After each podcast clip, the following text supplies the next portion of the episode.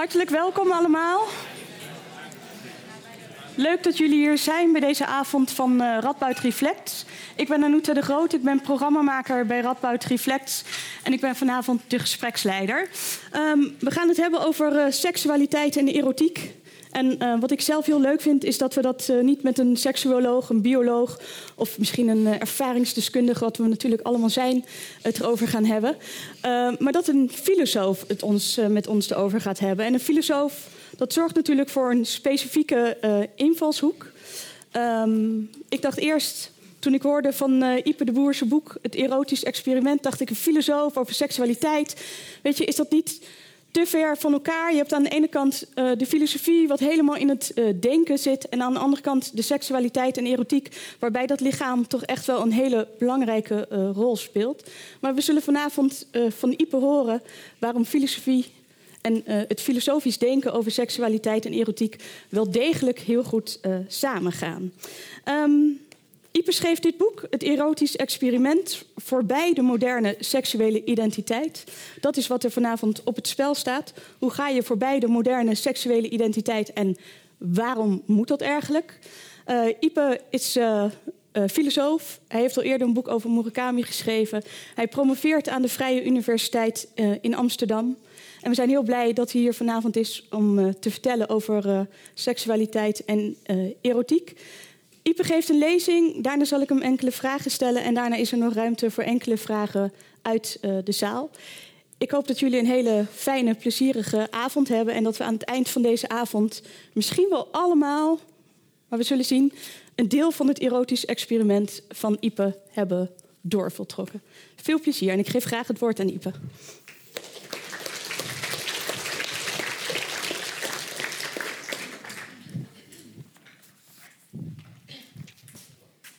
Dankjewel, Anouta. En uh, bedankt Radboud Reflex voor het podium. En fijn dat u er allemaal bent. Um,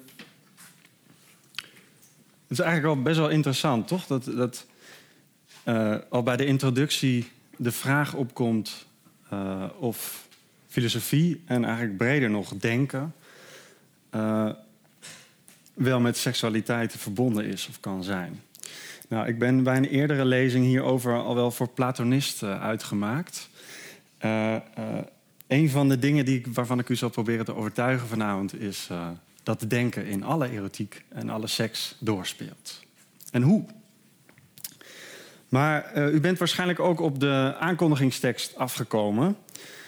En daarin staan naast seks eigenlijk twee andere thema's centraal: vrijheid en verbeelding. En uh, misschien is het goed om, voordat ik met de echte lezing begin, daar alvast iets over te zeggen. Dus er is veel debat over seksuele vrijheid, uh, al decennia lang. En uh, in mijn ogen speelt daar, spelen daar eigenlijk vooral twee vrijheidsconcepten een, een rol in. Een zogezegd subjectief vrijheidsconcept, waarin seksuele vrijheid erin zou bestaan dat je zoveel mogelijk van je verlangens met zo min mogelijk obstakels kan uh, bevredigen. In die zin vrij bent. En een ander concept is politieke vrijheid. Dus uh, als we het hebben over seksuele identiteit, discussies over seksuele geaardheden en de erkenning daarvan. dus over de publieke ruimte en de vrijheid om te zijn wie je bent en, de, en tegenover de onvrijheid om te moeten verdrukken uh, niet te mogen laten zien uh, wat jouw seksualiteit is. Nou, ik denk dat dat hele relevante concepten van vrijheid zijn in relatie tot seks. Maar er is een andere. En daar wil ik het met u vanavond over hebben. En die zou je kunnen noemen, dat zou je de geestelijke vrijheid ten opzichte van seks kunnen noemen. En waar subjectieve vrijheid te maken heeft met een ik, dat zijn of haar verlangens wil bevredigen. Politieke vrijheid met de erkenning van identiteiten te maken heeft. Zou geestelijke vrijheid, zou je eigenlijk moeten zeggen, dat is eerder de vrijheid van het erotische zelf. En is het niet wij die bevrijd moeten worden uh, om ons erotisch te kunnen manifesteren, maar moeten wij, uh, moet eigenlijk het erotische bevrijd worden van wat wij allemaal ervan vragen? Dus je zou kunnen zeggen dat is een vrijheid van het object van seks zelf ten opzichte van een onvrijheid die mensen eraan opleggen. Daar wil ik het over hebben. En uh, het erotisch experiment is onder andere een poging om die vrijheid te genereren voor het erotische. En dat betekent dus een bepaalde kritiek op de beelden en verlangens en dergelijke die we er uh, gewend zijn op te projecteren. Uh, in die zin is er sprake van een bepaalde kritiek op, je zou kunnen zeggen, het moderne ervaringskader. Waarin seks aan ons verschijnt. En in die kritiek speelt verbeelding een enorme rol. Dus het is, er zit natuurlijk argumentatie in, het blijft filosofie. Uh, maar de, de idee is dat deze vrijheid, als die al te verkrijgen is, uh, voornamelijk een beroep doet op verbeeldingskracht. Dat zijn de drie thema's. Maar voor ik, dus ik zal eindigen met, met, die, met die vrijheidsopvatting. Maar misschien is het goed om eerst nog even een stapje terug te zetten en uh, iets te zeggen over uh, de manier waarop ik eigenlijk het erotische hier uh, ter sprake wil brengen. En laten we met iets concreets beginnen met een lichaamsdeel. In dit geval de mond. En dan die irritante filosofenvraag stellen. De wat is-vraag. Wat is de mond? Irritant, omdat hij zo eenvoudig lijkt, maar altijd zo moeilijk is te beantwoorden. Nou, een manier om met die vraag om te gaan is om te kijken naar hoe we de mond eigenlijk ontmoeten in het leven. Hoe we die ervaren en de betekenis die we eraan hechten. Dus je kan zeggen, wat betekent de mond voor ons?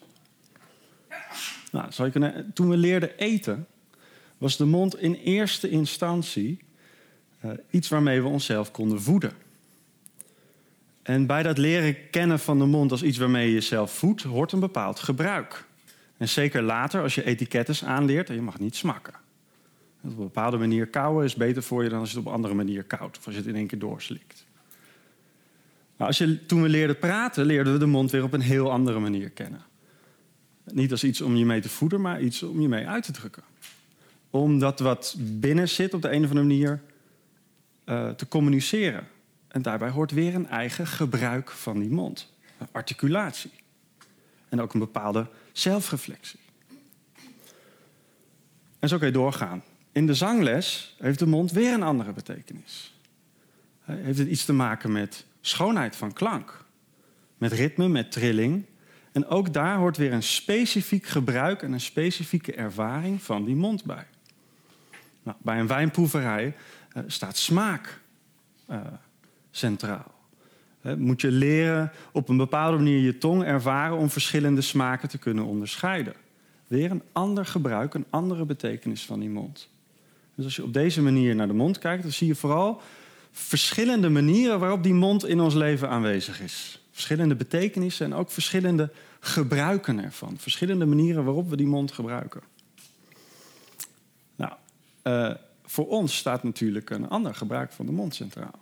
Uh, op het moment dat we opgewonden raken, dan is de persoon tegenover ons, maar ook onze eigen mond, opeens niet meer primair om mee te eten, om te praten, dat kan misschien allemaal nog erbij. Maar goed, niet primair daarvoor. Maar in eerste instantie om te kussen. En u kunt van alles nog erbij bedenken natuurlijk. Genot te geven en te verkrijgen. Een heel eigen manier van de mond ervaren. En van uh, gebruik die erbij hoort. Deze dimensie, wat je de erotische dimensie zou kunnen noemen, in dit geval van de mond, geldt natuurlijk voor uh, nou, je zou kunnen zeggen eigenlijk alle lichaamsdelen, het hele lichaam.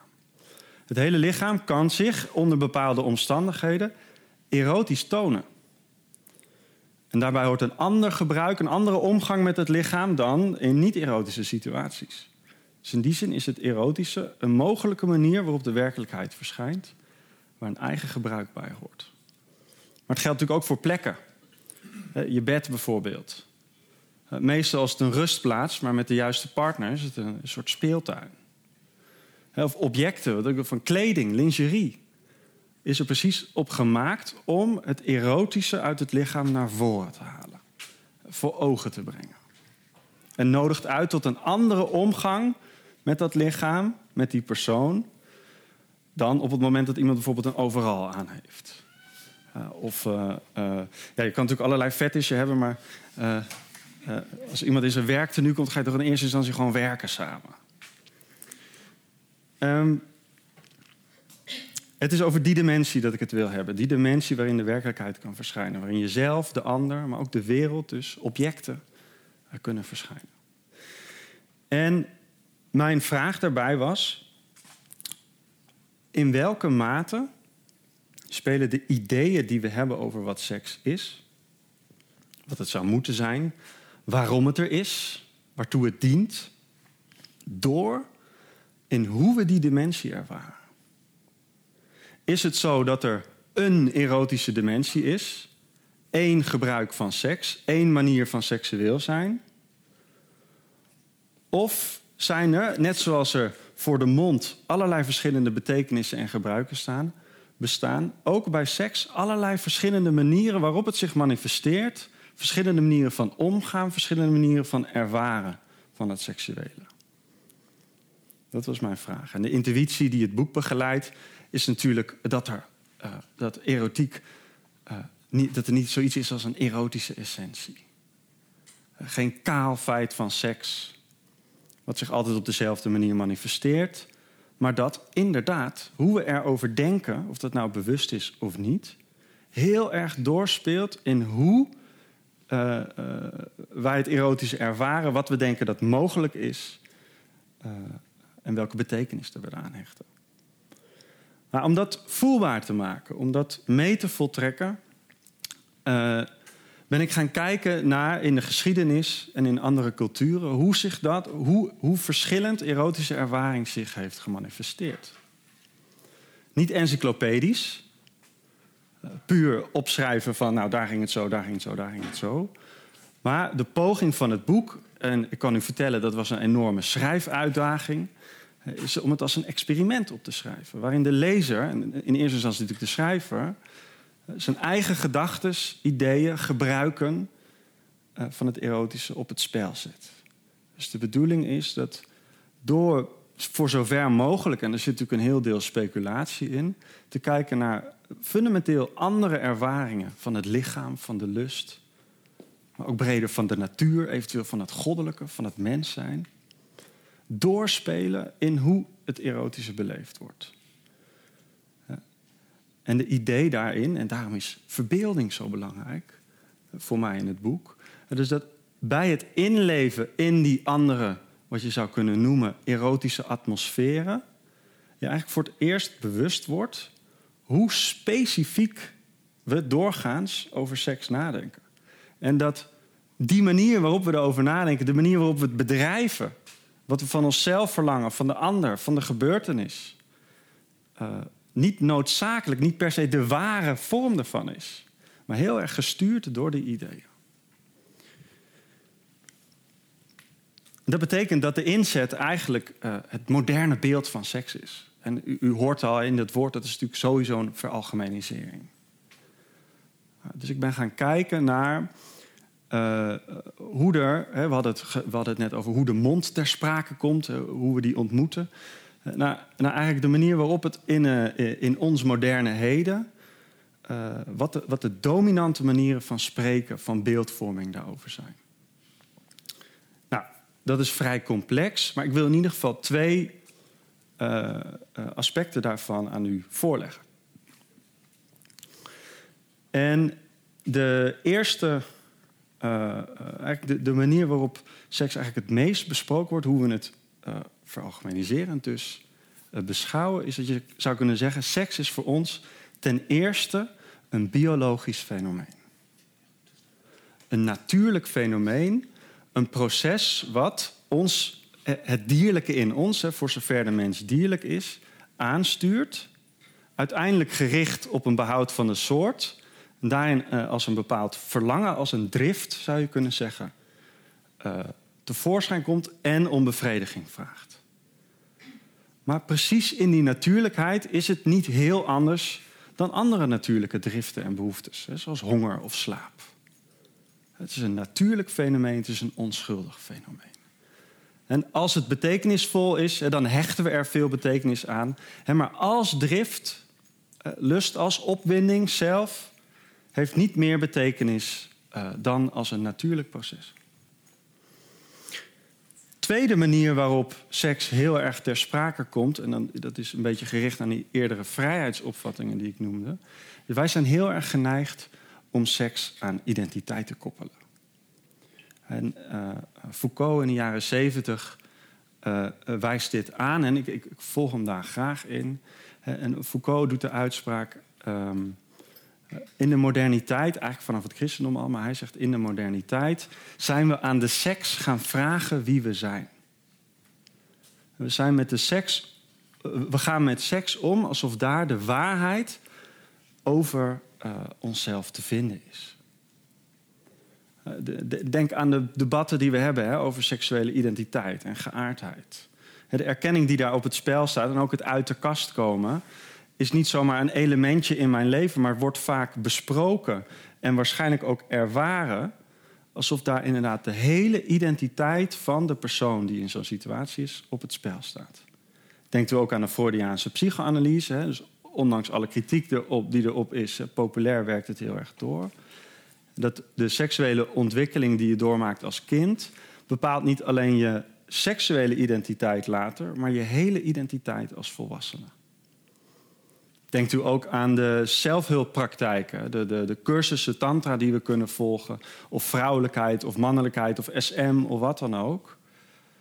Uh, allemaal spreken ze ons aan op uh, verwerkelijk je ware seksuele zelf. Uh, ontdek je seksuele, jouw persoonlijke seksuele identiteit. Denk ook aan de erotische technologie en in eerste instantie natuurlijk pornografie. Een, een enorm scala aan opties uh, waarin alles teruggewezen wordt naar wat jij wil zien op dat moment. En als iets je niet bevalt, ga je gewoon snel naar een ander filmpje. Dus je kan seks ervaren bijna precies zoals het bij jou aansluit. En als het een intelligente porno-site is, dan is er zelfs nog een algoritme wat op een gegeven moment jouw voorkeuren wel kent. En jou dus al eh, uh, geeft wat je zoekt zonder dat je ernaar hoeft te zoeken. Dus die neiging, uh, die relatie aan jouw persoonlijke subjectieve beleving, jouw seksuele identiteit. Ik denk dat dat twee hele belangrijke ideale ideeën zijn over seks, die, die, die, die, voor ons bijna als evidenties, als vanzelfsprekendheden uh, leven. En voor, beide hebben, je zou kunnen zeggen, veel goeds teweeggebracht. Dus het feit dat we naar seks kijken als een onschuldig, natuurlijk, dierlijk fenomeen, ik noemde het al, maakt seks ook iets onschuldigs. Iets waar we ons niet voor hoeven te schamen. En eh, stel je wordt eh, opgewonden in een situatie die nou niet meteen door iedereen als erotisch ervaren wordt. Weet ik wat, in het klaslokaal of zo, of in de supermarkt. Dat kan allemaal. Uh, dan, dan, dan ervaar je dat hoogstens als ongepast. Uh, even, even, kijken hoe je ermee om moet gaan. Hè. Maar het is niet iets waar je voor. Uh, je kan je er een beetje voor schamen, maar uiteindelijk is het gewoon een natuurlijk proces wat iedereen doormaakt. en jij dus ook af en toe. je kan ook zeggen, in een cultuur waarin seks in die zin in zijn onschuldigheid verschijnt, vanuit de wetenschap is het ook cultureel acceptabeler dat er heel veel vrije seks is. In de zin van one-night stands. Uh, seks die niet zoveel betekenis heeft. Uh, in een cultuur waarin aan seks niet zoveel betekenis gehecht wordt. ook, het, ook het idee dat het niet per se intimiteit hoeft te genereren. Kan ook veel makkelijker tolereren dat, dat iedereen dan ook er makkelijk en vrij mee omgaat. Eh, je zou kunnen zeggen, goede dingen, positieve dingen. Maar ze hebben ook een keerzijde. Dus op het moment dat zo'n idee over seks uh, gaat werken uh, als wat je zou kunnen noemen een idee fix. Een idee wat jou, de, wat jou vastlegt. waarvan je vast overtuigd bent. dan kan je zeggen, als jij denkt dat dat is wat seks is... dan zal je dat er ook in gaan zoeken en dan zal je dat ook steeds terugkrijgen. Dus dan is het niet een neutraal idee over seks, maar dan stuurt het jou in wat jij van seks verwacht. Je bepaalde dierlijke activiteit en meer ook niet. Uh, denk, het is onschuldig, het, betekent niet zoveel, en dan, maar dan heb je een one-night stand gehad, dan voel je je niet zo lekker. of wel, dat kan natuurlijk ook, maar stel je voelt je niet zo lekker. En misschien heb je iets anders ervaren. Maar nee, uh, je kan het ideaal ook sussend gebruiken. Dus van, oh nee, maar ja, ik denk dat wel, maar uiteindelijk is het een onschuldig en betekenisloos fenomeen. dus wat stel ik me eigenlijk aan? En dat moet toch gewoon kunnen, ik ben toch een volwassen man of vrouw.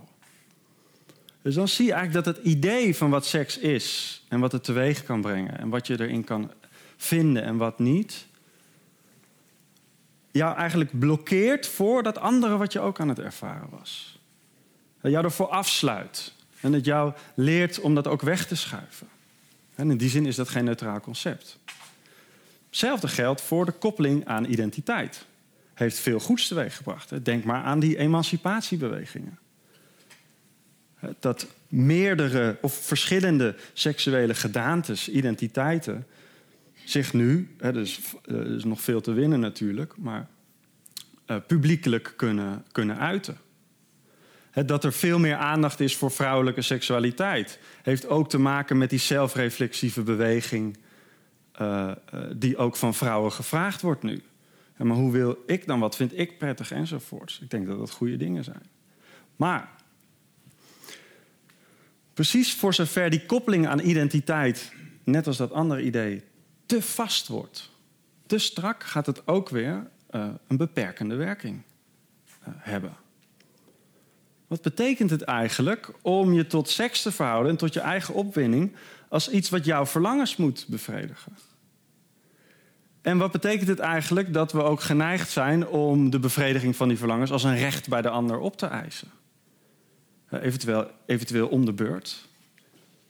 Maar het betekent dat wat we in het erotische willen ervaren afhankelijk is, of wat we in het erotische ervaren afhankelijk maken van wat we er bij voorbaat al van verlangen.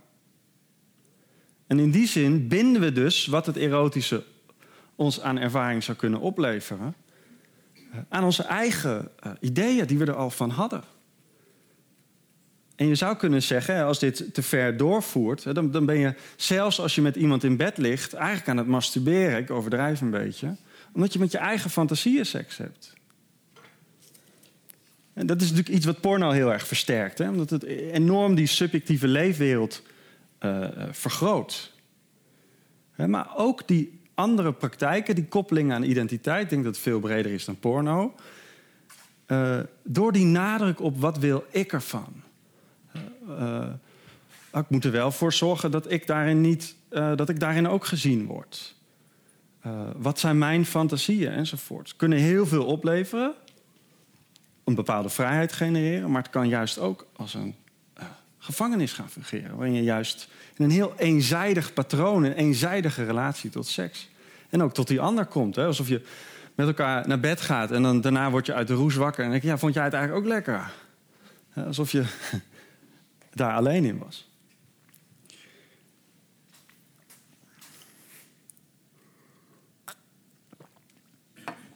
Dat om aan te geven hoe zo'n idee, uh, ogenschijnlijk neutraal, wel degelijk effect heeft op uh, ervaringsmogelijkheden. Maar laten we dan nu eens kijken naar hoe het uh, ook anders is geweest. ik heb natuurlijk niet, helaas niet de tijd om dat uitvoerig te bespreken. Dus in mijn boek ga ik er wat uitvoeriger op in. Oh, dit is trouwens het boek. um, maar ik wil twee voorbeelden geven en die wil ik vooral proberen te openen door, door een, een paar vragen erbij te stellen. En uh, daarvoor wil ik ten eerste kijken naar wat je zou kunnen zeggen een uh, middeleeuws christelijke ervaring. Een je hebt in de middeleeuwen en in het christendom een enorme rijke schakering aan verschillende ervaringsmogelijkheden hoor. En ik behandel er ook meerdere, maar we gaan er nu naar één kijken. En daarna naar uh, een bepaalde lichaamsopvatting in Indiaanse filosofie, met name in Tantra. Uh, iets wat ook in onze tijd heel erg al resoneert. die doordat het een andere lichaamsopvatting heeft, heel andersoortige erotische praktijken heeft ontwikkeld. Maar goed, eerst Heilige Antonius. Wie kent dit schilderij? Dus het is het Antonius Drieluik van Hieronymus Bos, eh, begin 16e eeuw. En Het is een weergave van een legende. En dat is, die legende gaat over. Oh, sorry, dit was mijn podium, is mij gezegd. Ik weet niet of ik nu net buiten beeld stond. Maar, Ehm, Antonius wordt geëerd in de kerk. Antonius zou derde eeuw uh, na Christus geleefd hebben als de stichter van het kloosterleven. Uh, maar niet alleen als stichter van het kloosterleven, ook als een van de belangrijkste zogeheten woestijnheiligen. En uh, in volledige ascese van al het aardse trok deze Antonius zich met de Bijbel terug in, in de woestijn. En het verhaal gaat dat hij daarin bezocht werd door visioenen. Visioenen van naakte vrouwen, maar ook van monsterlijke wezens, van machtige praktijken, allerlei andere aardse mogelijkheden. en dat begreep je niet zomaar als hallucinaties, maar als verzoekingen. Als verzoekingen van de duivel. En dus ook de erotische lust die in hem opkwam. En mijn vraag is dan eigenlijk: wat betekent het om lust niet zomaar als iets ongepasts maar verder onschuldigs en dierlijks te ervaren, maar als een verzoeking van de duivel. Nou, opvallend aan deze uh, schildering, dus Antonius zit daar uh, rechtsonder, uh, is dat de manier waarop Antonius hier afgebeeld is, vrijwel altijd ongeveer hetzelfde is. Namelijk voorovergebogen over zijn boek, het boek, de Bijbel. En dan opkijkend of wegkijkend van al die visioenen. En een vraag die je bij de schilderij kan stellen is eigenlijk: wat betekent die weergave? Wat wordt daarin weergegeven? Nou, je zou je zo kunnen voorstellen dat uh, uh, Antonius in zijn boek verzonken was en opkeek en daar doemde de blote vrouw, de eerste blote vrouw op die hem vrij symbolisch natuurlijk op een bepaalde manier lokt om samen met haar de bast, de aarde, de natuur te betreden. Dat hij van haar wegkijkt, maar waar hij kijkt, doemen onder een tafel met wijn en brood weer blote lichamen op. Waarvan kijkt hij weg? Hij kijkt weg van uh, het heilige boek. En op het moment dat je serieus neemt, niet alleen maar als theorietje, maar echt serieus neemt. Dat je denkt dat de bestemming van de mens erin bestaat het christelijke pad af te leggen. En de enige echte bron die je voor dat pad hebt, dat boek is, dan verandert eigenlijk de wereld buiten dat boek uh, in een andere wereld. In een wereld die eventueel jou van dat boek af zou kunnen brengen. En blijkbaar speelt de lust daar ook een rol in. Hè? Dus u kent, in de middeleeuwen was de tegenstelling vlees-geest heel belangrijk in het erotische. En voor de strenge christenen, dus in het volk was het allemaal veel losser hoor, maar voor de strenge christenen uh, bestond de uh, taak van de mensen onder andere in het vleeselijke te overwinnen en zich op de geest te richten en zo dicht bij God te komen. Maar wat hij eigenlijk hier doet, is door weg te kijken van het boek, het toe te geven aan zijn eigen curiositas, eigen nieuwsgierigheid naar het leven, zoals het eruit zou zien buiten het christelijke pad, wat even angstaanjagend als aantrekkelijk is. En de lust die hij ervaart is dus niet zomaar een natuurlijk proces. Dus stel je voor dat die man opgewonden raakte. Dan is dat een vreemde entiteit. Een vreemde kracht die mij eigenlijk lokt om een andere wereld te betreden. Een wereld van lichamelijke vrolijkheid, maar die mij tegelijkertijd van mijn menselijke bestemming afbrengt. Met andere woorden, iets waarin de bestemming van je ziel op het spel staat. Nou, u begrijpt al, het doel is natuurlijk niet van daar moeten we naar terug. Maar het gaat om dat hoe die andere ideeën over wat lust is, ook heel erg sturen hoe ermee omgegaan wordt en hoe het ervaren wordt. Weet iemand wat dit is?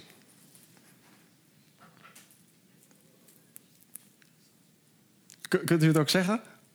Schreeuwen? Ja, een chimera. Oké samenkomen van uh, verschillende diersoorten. Dat kan in sommige mythologieën door het komen dat goden zich omvat met bepaalde dieren. Mooi, dankjewel. Ja, zo, zo, zo, zou ik, zo, wist ik het niet eens. Uh, maar het is, het is een ring, een talisman uit de uh, vroege renaissance... die men om kon doen en die ook, waar een hele industrie voor was... om de seksuele potentie te vergroten. En er bestonden ook ringen voor de meer vroom georiënteerden... om zich juist te hoeden voor het seksuele. En wij zijn natuurlijk geneigd om daarin vooral kwakzalverij te zien... En dat begrepen ze toen ook wel, hè, die fabeltjes. Maar het wetenschappelijk, het, is, het boek waaruit ik dit gehaald heb, werd uh, algemeen erkend als een medisch-wetenschappelijk traktaat. Want het wetenschappelijke natuurbeeld wat hierachter zit, is een astrologisch beeld. Waarin de mens een kruispunt is van planetaire krachten. En boven die planetaire krachten staat nog eens de voorzienigheid van God. En het hangt een beetje van af op welke. Uh, in welke richting je, je zit in het middeleeuwse. Of, je, uh, of het goddelijke, uh, of je je moet bevrijden van de planetaire krachten. Of dat die planetaire krachten ook onderdeel zijn van Gods plan. Maar wat hier in ieder geval uit blijkt, is dat men, tenminste dat denk ik, is dat ook het erotische hier, als je bij ons kijkt naar een mogelijke betekenisloosheid van erotische ontmoetingen, het erotische hier van dusdanig belang werd geacht. dat mensen probeerden er enige controle zelf op te hebben. omdat ook weer hier tegen een christelijke achtergrond. de lotsbestemming van de ziel op het spel stond. Dus je kon met zo'n ring kon je dat lot tarten. of je kon je ervoor beschermen. Nogmaals, heel andere atmosfeer. andere erotische gebruiken, andere erotische ervaring. je kan je ook voorstellen dat een erotische ontmoeting daarbij dus beladen is met lot. Dus wat er kan gebeuren, kan je ofwel uh, richten, eh, op het goede pad brengen, of je wel, of je, wel je ervan afbrengen. Dat is wel iets anders dan als wij over een slippertje spreken, bijvoorbeeld. Goed, misschien iets concreter, en dan moet ik wel eerst abstracter worden, uh, bij de Tantra. Tantra is een hele esoterische school in de Indiase filosofie. Het is een hele intellectuele school eigenlijk eh, hoe wij tantra kennen als een soort sekspraktijk... Uh, is een, een, eigenlijk een spirituele praktijk... die een veel bredere spirituele weg... Die, die de mens af kan leggen, een rol speelt... en dan niet eens in alle tantrische scholen. Maar goed, er zijn tantrische scholen waarin erotiek eigenlijk spiritueel wordt aangewend. Nou, daar is veel over te zeggen, maar ik wil me maar op één ding richten nu. Wat namelijk fascinerend is in de tantrische manier van uh, de wereld ervaren en begrijpen, is dat ze uitgaan van een lichaamsconcept wat voor onze wetenschap, uh, uh, waar wij eigenlijk geen vocabulaire voor hebben. En dat is het zogeheten subtiele lichaam. Dus, wij, dus ze maken een onderscheid tussen het uitwendige lichaam, en dus hoe je het ziet en hoe het in eerste instantie voelt. je zou nog de geest kunnen onderscheiden, je gedachten en je gevoelens. Maar in de tantrische leer zijn dat beide aspecten van het ware lichaam. En dat is een soort energetisch lichaam. Het subtiele lichaam is een soort energetisch veld wat symbolisch zo wordt afgebeeld. Dat zijn de zeven chakra's, een soort van kruispunten waar verschillende energieën doorheen stromen in het lichaam. Dat lichaam is er altijd, volgens tantrische leer, maar moet je leren gewaar worden middels meditatietechnieken, uh, visualisatietechnieken uh, en eventueel in de erotiek. Maar het interessante van de tantrische erotische praktijken. Dus wij kennen bijvoorbeeld uit India vooral de Kama Sutra. En dan voornamelijk nog het deel wat al die uh, exotische standjes weergeeft. He, maar ook in de Kama Sutra zijn hoofdstukken. En de meeste tantrische boeken gaan überhaupt niet over die standjes, maar die gaan over hoe je je gewaar wordt van het energetische lichaam en hoe je in het erotische energie communiceert. dus wij zien, er, over het algemeen wordt het bij ons, ja, dan kan je orgasme verlengen. Of je kan een veel heviger orgasme krijgen enzovoorts. Maar dan wordt eigenlijk vanuit onze eigen termen proberen we dat erotische uh, inzichtelijk te maken. Terwijl de terminologie waarin die praktijken zelf ontwikkeld zijn, gaan over een energetisch veld. En natuurlijk is daar stimulatie van lichamelijke uh, erotische, erogene uh, zones bij. Maar de ervaring speelt zich af op de mogelijkheid om energieën te communiceren. Dus een heel andere erotische ervaring. Dus zo wordt dat dan in een populair boekje eh, afgebeeld. En, en daar hoeft niet eens beweging bij te zijn. Nou goed, eh, waarom dan? eh, waarom is dat dan interessant? Hè? Om, om terug te komen bij eh, waar we mee begonnen met het vrijheidsconcept.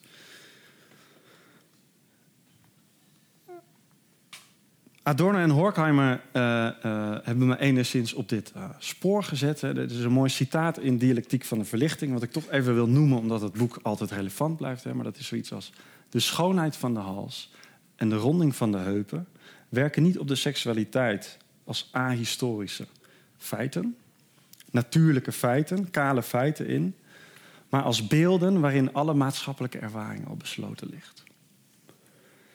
En volgens mij kan je door naar die verschillende praktijken, naar de concepten, naar de beelden die daarin spelen, op een zekere hoogte met genoeg verbeelding mee voltrekken hoe erotiek, hoe erotisch gebruik, hoe erotische mogelijkheden mee veranderen met die concepten.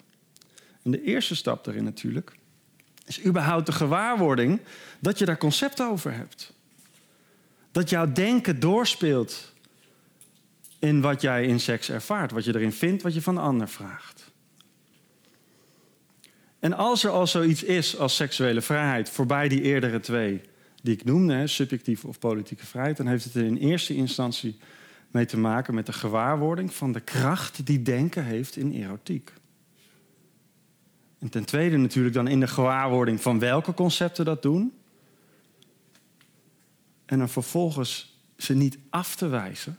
Want wat ik heb proberen aan te wijzen, die bieden hun eigen mogelijkheden, hun eigen vrijheden, hun eigen heerlijkheden. Dus nog zo'n standaard eh, modern concept, seks is macht. Hè, voor ons een evidentie. Maar eh, als je gaat kijken naar wat er allemaal over erotiek uitgedrukt is, uh, uh, zijn er heel andersoortige erotische ervaringen mogelijk. Het is helemaal niet de kern van seks. maar het is wel lekker. Dus het gaat er niet om dat per se. Het is lekker om iemand te domineren. Het is ook lekker om gedomineerd te worden. Soms. Het gaat er niet om dat af te wijzen, maar het gaat erom om, zo zo zou je het kunnen zeggen, de werking van die concepten zogezegd te deactiveren. De noodzakelijkheid waarmee ze onze ervaring beïnvloeden op een bepaalde manier te temperen. Hun ketenkracht wat te verminderen. Niet om vervolgens nieuwe concepten als de ware concepten naar voren te toveren. Dus het Westen is fout. Wat ze in het Oosten doen, dat is de echte seks. Je zou kunnen zeggen, dan heb je eigenlijk alleen het interieur van je gevangenis veranderd van een westerse naar een oosterse, maar je, je zit nog steeds in diezelfde verhouding tot seks. Je het alleen een ander kleurtje gegeven. Als er iets bestaat als erotische vrijheid, dan is het de vrijheid die wij mogelijk kunnen geven aan het erotische. En die we daarom dan ook terugkrijgen. En daarom staat in dit experiment, maar dat is bij elk, ik zou zeggen, elk waarlijk filosofisch experiment, uh, uh, staat er niet alleen seks op het spel, maar überhaupt de manier waarop wij ons eigen lichaam, de mogelijkheden waarop we ons lichaam kunnen ervaren, lust, maar ook de natuur, mens zijn, eventueel het goddelijke enzovoort. Dat is althans wat ik hoop dat het boek doet. Uh, bedankt voor de aandacht.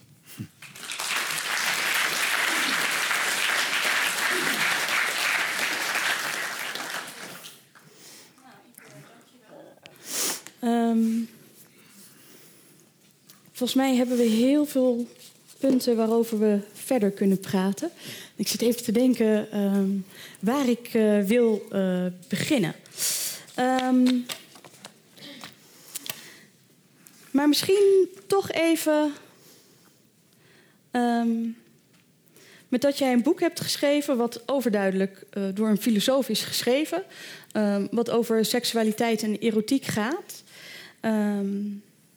En wat ik me heel de tijd een beetje afvroeg toen ik het boek uh, las, wat ik overigens met heel veel plezier uh, heb gelezen, maar ook nu, toen ik jouw lezing nu hoorde, was: je hebt een bepaalde kritiek op ons denken over seksualiteit en erotiek nu. Eh, je zegt er moet eh, vrijheid zijn om eh, meer openheid te hebben, breder erover te kunnen denken, andere mogelijkheden toe te laten. Maar ehm, moet jouw kritiek niet beginnen bij heel de maatschappij? Dus je kunt wel leuk denken: oké, laten we eens binnen die seksualiteit en dat denken over erotiek op zoek gaan naar die openheid. Maar lukt dat wel als je in een maatschappij zit die gewoon op alle mogelijke manieren in zijn denken begrensd is? Ehm, dus, ik, dus ik zou het moeilijk vinden om een samenleving te bedenken of een maatschappij waarin dit niet gebeurt. Waarin je niet Waarin niet bent. gestuurd wordt. Ja. Dus, dus ook, eh, dus, Mhm. En daar probeer ik ook aandacht te besteden aan het boek. Er zit natuurlijk een bepaald gevaar in het erotische. Dus het gevaar namelijk dat seks en opwinding iedere moraliteit uit kan dagen. Zelfs in de meest loyale en trouwe en deugdelijke en beschaafde mens kan opwinding eh, je eventjes boven de wetten van de moraal eh, doen wanen Mhm. in jouw recht op verlangen. En ehm, in die zin denk ik dat ook seks zonder morele, persoonlijke, culturele begrenzingen überhaupt niet denkbaar is. En zelfs in tantrische praktijken, waarin ook een bepaald openheidsideaal van vrijheid zit, wat denk ik dichterbij wat ik probeer te zeggen komt, dan bijvoorbeeld hoe we er nu over na te denken, zijn heel specifieke en gedisciplineerde praktijken. Waarin ook heel duidelijk gezegd wordt: dit moet je niet ervaren, dit moet je niet opzoeken. Dus heel afwijzend en vormend. Mhm. Waar wil ik naartoe? Ehm, ik denk dat deze vorm van vrijheid eh, niet zozeer iets is wat je maatschappelijk of cultureel kan genereren, maar wat je eigenlijk alleen maar in kritische distantie tot de praktijken waarin je nou eenmaal opgegroeid bent en eh, waarin je leeft, persoonlijk en hopelijk met een partner of niet, niet per se met een vaste partner, met iemand anders, kan, eh, kan, kan opzoeken. Eh, ik zou niet weten hoe je dit bijvoorbeeld moet institutionaliseren. En dan is democratie, lijkt al vrij dichtbij te komen, hè, omdat het verschillende perspectieven toestaat. Maar als je zegt het gaat eigenlijk om een soort kritisch, kritische, kritisch denken over, een kritische distantie tot. Ja. Ehm, is dat niet iets wat we überhaupt eh, zouden moeten hebben over alles in de maatschappij? ja, dat vind ik wel, ja. Ja, nee, dus ja. eh, En, maar waarom heb jij dan ervoor gekozen om het in dit geval eh, specifiek over het erotische en seksualiteit te hebben en Ja. daar dit punt bij te maken? ja, dus je zou kunnen zeggen, ieder filosofisch boek maakt dit punt altijd, waar het ook over spreekt. Geestelijke vrijheid. Wellicht. Eh, dus behalve als het inderdaad een filosoof is die tot een standpunt wil geraken. Maar ja, ben je dan wel een filosoof? Vraag ik me nou af. Maar eh, erotiek is cultureel gezien voor ons nu heel relevant. Hè? Dus, dus wat ik al zei, het is iets waar wij in, in heel hoge mate belang aan hechten. Voor wie we zijn. Er wordt heel veel over gepraat. Mhm. Op elke vlakke, ook in de media, komt steeds ter sprake. Ehm, dus het is ook een, een, een goed onderwerp om meteen eigenlijk te kijken naar wat voor tijd leef ik nou eigenlijk. Dat is een goed, goed begin om te kijken naar het soort tijd waarin je leeft. Maar wat filosofisch natuurlijk extra interessant is aan erotiek, eh, eh, is dat het ten eerste iets heel kwetsbaars is. Dus in het erotische. Dus ik probeer in het boek het denken op het spel te zetten. Maar in het erotische staan we natuurlijk altijd in zekere zin altijd al op het spel. Hè? Zeker toen je nog maagd was. eh, eh, eh, dat zijn we natuurlijk allemaal nog. Nee, maar toen nog, heeft, is het soort beladen met een soort idee van. het kan mij veranderen. Hè? Dus straks, als ik niet meer maagd ben, dan ziet de wereld er anders uit. Hè, dan, de, en vrij concreet, wat ik probeerde uit te drukken in het begin met de mond. dus de, in opwinding zien we de wereld anders. Zien we anderen anders, zien we onszelf anders. En dat alleen is al fascinerend. Dat er een element in het leven is wat speelt met wat we in de werkelijkheid zien. En eh, dat doet erotiek op een hele intense manier. Op een manier waar je soms ook helemaal geen zin in hebt. eh, Maar die, die zich heel erg opdringt. En zo kan je doorgaan. Dus je kan ook zeggen, het is op een bepaalde manier absurd om eh, je gezicht te behouden in de slaapkamer.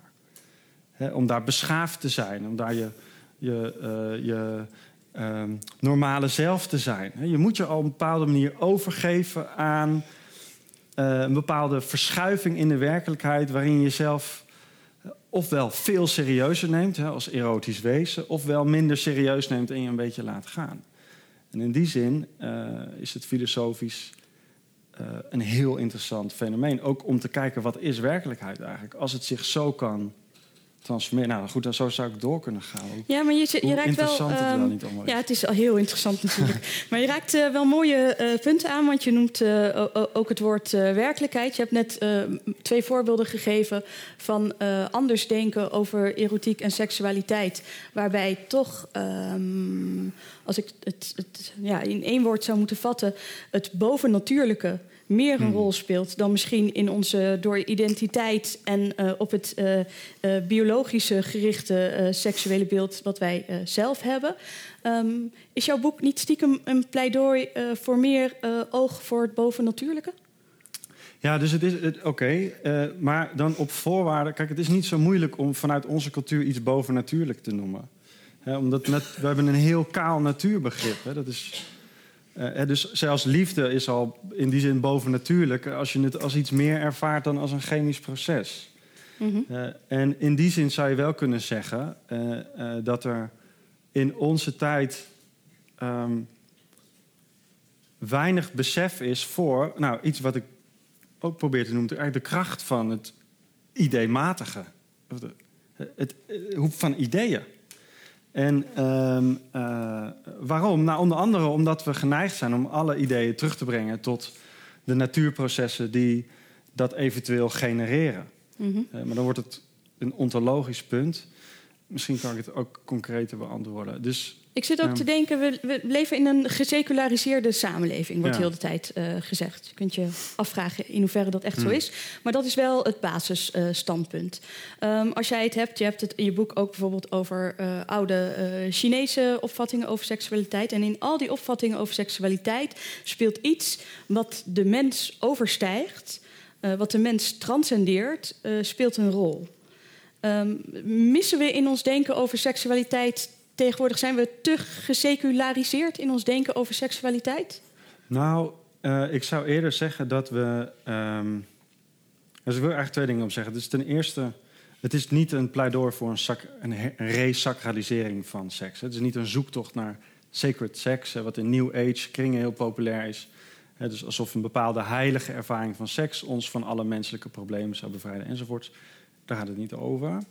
Ehm, eh, wat vaak mist in als we denken over onze cultuur als een seculiere cultuur, dan, dan, dan is de, eigenlijk de beweging die daarbij hoort en culturen die niet seculier zijn, die hebben daarbovenop ook nog eens allemaal fabeltjes. Eh, en dan, eigenlijk, dan erken je niet hoe die seculiere beweging, het reduceren tot het kale feit van de natuur, ook het naakte feit van het seks, sorry, van de seks. Je zou kunnen zeggen het driftmatige pompen. Eh, Dat is de waarheid van de seks. En alles daarbovenop, ja, dat zijn gewoon je ideetjes en je fabeltjes die je erbij hebt. Dat dat niet zelf, eh, voor zover het dat ons opdringt als dat is de waarheid van hoe je het erotisch ervaart, een sacraal karakter heeft. Omdat het de rest buitensluit als onzinnig, niet waardevol, eh, overdreven. Dus het maakt iets tot, tot heilig, zou ik maar zeggen.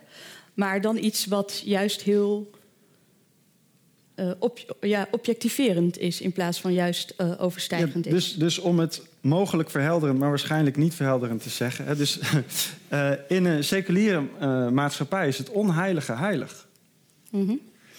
Dus, en dat heeft te maken met een bepaalde opvatting van wat waarheid is. Maar er zit eenzelfde reducerende beweging in. Als je bijvoorbeeld in een sacrale samenleving zou zeggen: ja, alle eh, lustvolle seks is onware seks. En alleen de seks die je, weet ik veel wat, eh, ter consumatie van het huwelijk. eh, eh, op, op die in, op, op, in de missionarishouding, weet ik veel wat, voltrekt, is de echte seks. Eh, Er zit eenzelfde reductie van ervaringsmogelijkheden tot één daarvan die als de ware wordt gepresenteerd. En voor zover daarin niet mee gecommuniceerd wordt dat dat één van de vormen is, Mhm. is die sacraal. Ja, omdat het het erotische vastlegt in een bepaald, bepaald omgangsformule. En en, en dat, dat gebeurt in eh, religieuze samenlevingen. Eh, maar dat gebeurt ook. eh, dat is iets wat ik nu probeer te laten zien. Het is ook die, die ideeën die wij erover hebben, die ogenschijnlijk neutraal en vrij zijn, ook dat effect kunnen hebben. Ja. Ehm, je noemde toen net het woord liefde. Ja. En eigenlijk is liefde een beetje wat ik misschien wel heb gemist in je verhaal. Want ehm, je hebt het over eh, seksualiteit, je hebt het over erotiek. Maar het woord liefde komt verder niet, heeft, Ja. speelt geen rol in jouw Het is een verhaal. liefdeloos boek. Ja. Ja. Oh. Nee. En wat nu? Ehm, nee, dus ik wilde. ehm, eh, dat is trouwens een lijn die ik niet eh, verder helemaal heb uitgewerkt. Maar dus de categorieën waarin, laat ik het bij mezelf houden, waarin ik begin twintig over seks nadacht, waren eigenlijk terug te brengen tot de, tot de tegenstelling eh, wild, eh, eh, ruw en lief en romantisch, hè, teder. En ehm, ehm, ik wilde niet. Hè, er zijn ook al heel veel boeken over, hè, romantische seksualiteit en dergelijke. Dus ik had ook niet het idee dat, daar, dat, ik daar iets aan hoefde. Of dat, dat ik dat nog eens een keer moest, moest herhalen. Dus ik wilde eigenlijk het veel breder trekken.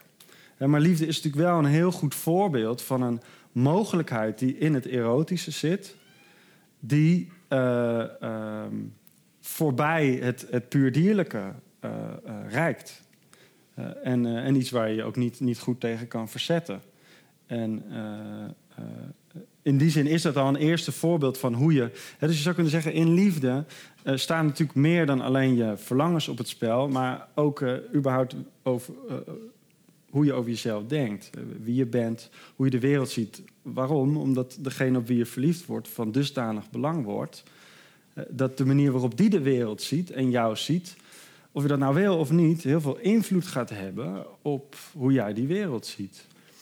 Eh, eh, eh, en in die zin is liefde al iets wat vanuit uit het erotische kan voortkomen, wat, wat, wa- waarin je dus op het spel staat. Maar ehm, eh, ik wilde in het boek vooral laten zien dat ook zonder dat er liefde in het spel is, al die ervaringsmogelijkheden van het erotische er zijn. Dus dat het de, met bredere culturele concepten en dat het niet te reduceren is tot of je bent verliefd of je bent eh, alleen maar aan het lol trappen, zeg maar. Ik merk dat ik Je heel de kijkt tijd... alsof ik eh, je vraag niet heb nee, beantwoord. maar ik merk dat ik bij jou heel de tijd eh, de neiging heb om jou eh, ehm, tot een, tot een soort kleur bekennen te krijgen. Dus ik wil jou eigenlijk ook de vraag stellen: is er zoiets als slechte of foute erotiek? En nou vermoed ik dat jij daar weer netjes in het midden gaat zitten en zegt dat er geen goed en fout is. Ja, nou ja. Je kan, er zijn in ieder geval ervaringen van goed en fout. Mhm. En, ehm, dus de vraag is, is dat een morele vraag? Dus, dus ik denk dat er heel duidelijk morele overschrijdingen zijn... waarin seks heel duidelijk fout is. Ehm, maar goed of slecht in de zin van of het een goede of een slechte ervaring was... even los van of het ethisch toelaatbaar is... Eh, ja, eh, alleen al, dat, zo ervaart men het. Eh, dus zeker, alleen ik zou niet... Dus wat voor de een goed voelt, hoeft natuurlijk voor de ander niet goed te voelen. Dus in die zin denk ik niet. In ieder geval eh, geldt voor mij niet. Ik wil ook niet elke keer hetzelfde. Eh, en ehm, dus Maar wat dan, soms goed eh, voor mij. Dan zit voor jou goede of slechte of foute erotiek zit in de gevoelens van degene die het begaan slash ondergaan. Eh, ja, dus dat, ja, zeker. Dus, maar dat, is, dat is geen objectieve uitspraak over. Kijk, dus ik bedoel ook niet te zoeken naar een erotische ervaring die vrij is van concepten waarin alle kleuren vervat zitten. Eh, hè, want ik denk dat het erotisch zich altijd op een manier manifesteert. Maar het gaat om een vrijheid waarop die verschillende manieren zich kunnen manifesteren. En eh, ehm, op het moment dat jij in een eenzijdige erotische patroon zit en je vindt dat allemaal heerlijk, en degene met wie je het doet ook, dan vind ik het onzin om die persoon een bepaald soort onvrijheid aan te gaan, aan te gaan praten. Je doet het Mhm. fout, of je, je denkt dat je vrij bent, maar je bent hartstikke onvrij. Eh, Dus eh, voor zover ik kleur wil bekennen, dit is een mogelijkheid. Die denk ik niet, eh, in ieder geval in hoe we erover praten doorgaans, hoe het in, het, eh, in de media is enzovoorts, niet ter sprake komt. Maar die denk ik voor heel veel mensen relevant kan zijn. Die misschien heel erg aansluit bij de dagelijkse praktijk. Erotiek en seksualiteit, uh, je noemde het al in je lezing, hebben natuurlijk heel erg te maken met jezelf uh, blootgeven, letterlijk en figuurlijk, geestelijk en uh, lichamelijk.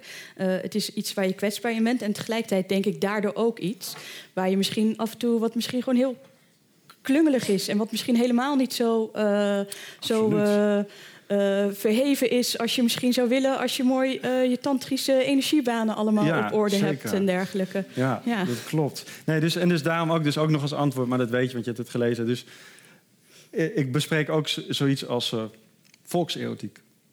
Waarin het klungelige, het, het, het, spelen in bed, het kietelen, het, het, het, het, allemaal niet zo belangrijk. is ook een gedaante van het erotische die we natuurlijk voor een groot deel uh, ook kennen. En ook een van de ervaringsmogelijkheden die moeilijk sacraal te noemen is. En die krijgt bij mij dezelfde waarde als die andere. Maar uh, er is iets anders wat relevant is aan hoe je het zegt. Kijk, er is op het moment dat je niet weet hebt van deze mogelijkheid van geestelijke vrijheid ten opzichte van het erotische, dan kan het dus zijn dat de vrijheid die je dacht te vinden, dus ik ga op zoek naar mijn ware seksuele zelf en ik kom op voor mijn mannelijkheid of mijn vrouwelijkheid of mijn subtiele lichaam of wat dan ook. Het eerste wat het doet, hè, voordat je het geperfectioneerd hebt, als zoiets überhaupt al mogelijk is, is dat het alleen maar schuldgevoel creëert. Voor zover je nog niet dat ideaal hebt gerealiseerd. Of voor zover die ander jou weer eens een keer niet erkent.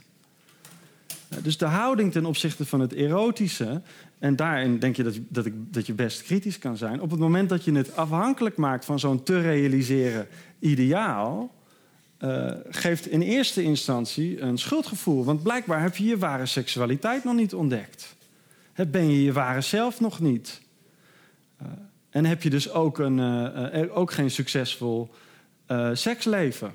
En dan lees je een glossy, zeven tips om dichter bij je ware zelf te komen. Oh ja, dat ben ik dus nog niet. Um, uh, nou, toch maar meer mijn best doen. Hè, waarom werk je nou niet even mee? Uh, allerlei verhoudingen tot dat erotische, waarin die zoektocht naar een waarheid een, een, een, een, val, een val wordt eigenlijk. Hè, waarin je zelf gevangen kan raken. En uh, ja, dat is relevant om aan te tonen dat het niet hoeft, denk ik. Dat het niet hoeft. Want Nee. wij, we- er wordt nu een beetje besmuikt gelachen om die zeven eh, stappen. Ja. Ehm, maar stel nou dat ik degene ben Soms die... zijn het eh, hele goede stappen. Ja, die die Ja. zeven stappen leest en denkt... wow, dit eh, heeft me iets eh, opgeleverd, dit, dit brengt me iets. Ja. Is dat dan een manier van omgaan of beleven van seksualiteit... waar je inderdaad om zou kunnen gniffelen? Van haha, dit is bekrompen? Of Nou, nee, het gaat puur om jouw verhouding tot die tips. Dus, dus zie je die tips als mogelijkheden die je uitprobeert en die je wat opleveren of niet. En waar je heel serieus in kan zijn, waar je jaren op kan oefenen enzovoorts. Als mogelijkheden eh, waarin je je vrij voelt om ze te oefenen en ook om in gedisciplineerd te zijn. Of, of zie je ze als datgene waar de waarheid over seks in besloten ligt en wat jij nog moet leren. En als je dat niet doet, ben je eh, niet geslaagd enzovoorts. Hè, of koppel het aan een relatie. Ja, we moeten toch wel minstens drie keer per week seks hebben. Want anders zijn we niet een geslaagd... Dan zijn we een soort broer en zus. anders ben je niet Ja, gemiddeld? dat wil ik Ja. niet. Dus, hè, dat- Liever boven maar, ja, dus u lacht, hè, maar, maar degenen die een lange relatie hebben gehad... die zullen weten dat dit soort eh, idealen spelen door... Hè, als je er niet op let. Ik wil jou nog eh, eh, één vraag stellen voordat ik ook kijk of jullie eh, vragen hebben in de zaal. Want ik dacht, we moeten het misschien toch even, omdat jij het heel erg hebt over, over vrijheid en je hebt het heel even macht aangestipt. Ehm, jij zegt, seks en macht zijn niet per definitie, verhouden zich niet per definitie tot elkaar. Eh, maar ik denk dat wij wel in een maatschappij zitten, en dat zie je denk ik door zo'n beweging als de MeToo-beweging, waarin eh, seks en macht zich wel tot elkaar verhouden. En dan kun je zeggen, dat zou niet zo moeten zijn, of eigenlijk Ja. is dat niet en wij zien dat verkeerd. Maar op een bepaalde manier is dat zo in deze maatschappij. Dus ehm, hoe kun je vanuit eh, eh, jouw ideeën over seksualiteit en erotiek ontsnappen aan eh, die macht-seksualiteit-link die er op dit moment is? Ja, niet politiek gezien. Het is niet een boek en het gaat ook wat dat betreft niet over MeToo. En eh, ik denk dat het politieke problemen zijn waar beleid op moet komen op de een of andere manier. Persoonlijk eh, macht in seks. Dus, dat- dus, dan, dan, dus dan heb je het over een machtsstructuur waarin iemand zijn machtspositie misbruikt. Ja, maar er zit, eh, de, de, het machtsconcept waar ik het vooral over heb, is dat in seks altijd macht aan de gang is en altijd iemand onderdanig is en de ander, eh, of actief en passief zijn woorden enzovoort. Alsof dat heel duidelijke rollen zijn. Terwijl als je eigenlijk eh, heel, zou, zou gaan kijken hoe zo'n erotische ervaring zich manifesteert, dan kan dat. Je kan die rollen heel duidelijk eh, uitvoeren. Eh, maar eh, zelfs bijvoorbeeld in een situatie als SM, eh, waarin eh, eigenlijk die posities zo, zo vastgelegd mogelijk eh, zouden zijn. Dus je hebt een sadist, de actieve, die, die pijn of vernedering toebrengt. En de masochist, die, die, die pijn wil en vernederd wil worden. kan het heel makkelijk die dominantieverhouding omslaan, omdat het ook degene is die pijn wil hebben, die ja, nog meer, sla me harder. En dan kan ook degene die slaat zich het slaafje voelen van degene die geslagen wil worden. En dus het lijkt heel het lijkt heel duidelijk te zijn hoe zo'n machtsstructuur werkt. En die lijkt ook altijd aan de gang te zijn. Maar als je gaat kijken, eh, zijn dat hele dynamische, fluctuerende rollen. Over het algemeen, behalve natuurlijk in misbruikssituaties. Ehm, eh, eh, maar er zijn ook ervaringsmogelijkheden mogelijk waarin die rollen in ieder geval op de achtergrond zijn. Niet de essentie, niet het primaire, niet het nadrukkelijke zijn van de erotische ervaring. En door de hele tijd te zeggen seks is macht, eh, eh, verdruk je eigenlijk juist die andere ervaringsmogelijkheden. Terwijl in de geschiedenis heb je talloze voorbeelden van eh, erotiek waarin macht een woord is wat helemaal niet voorkomt in de uitdrukking ervan, bijvoorbeeld.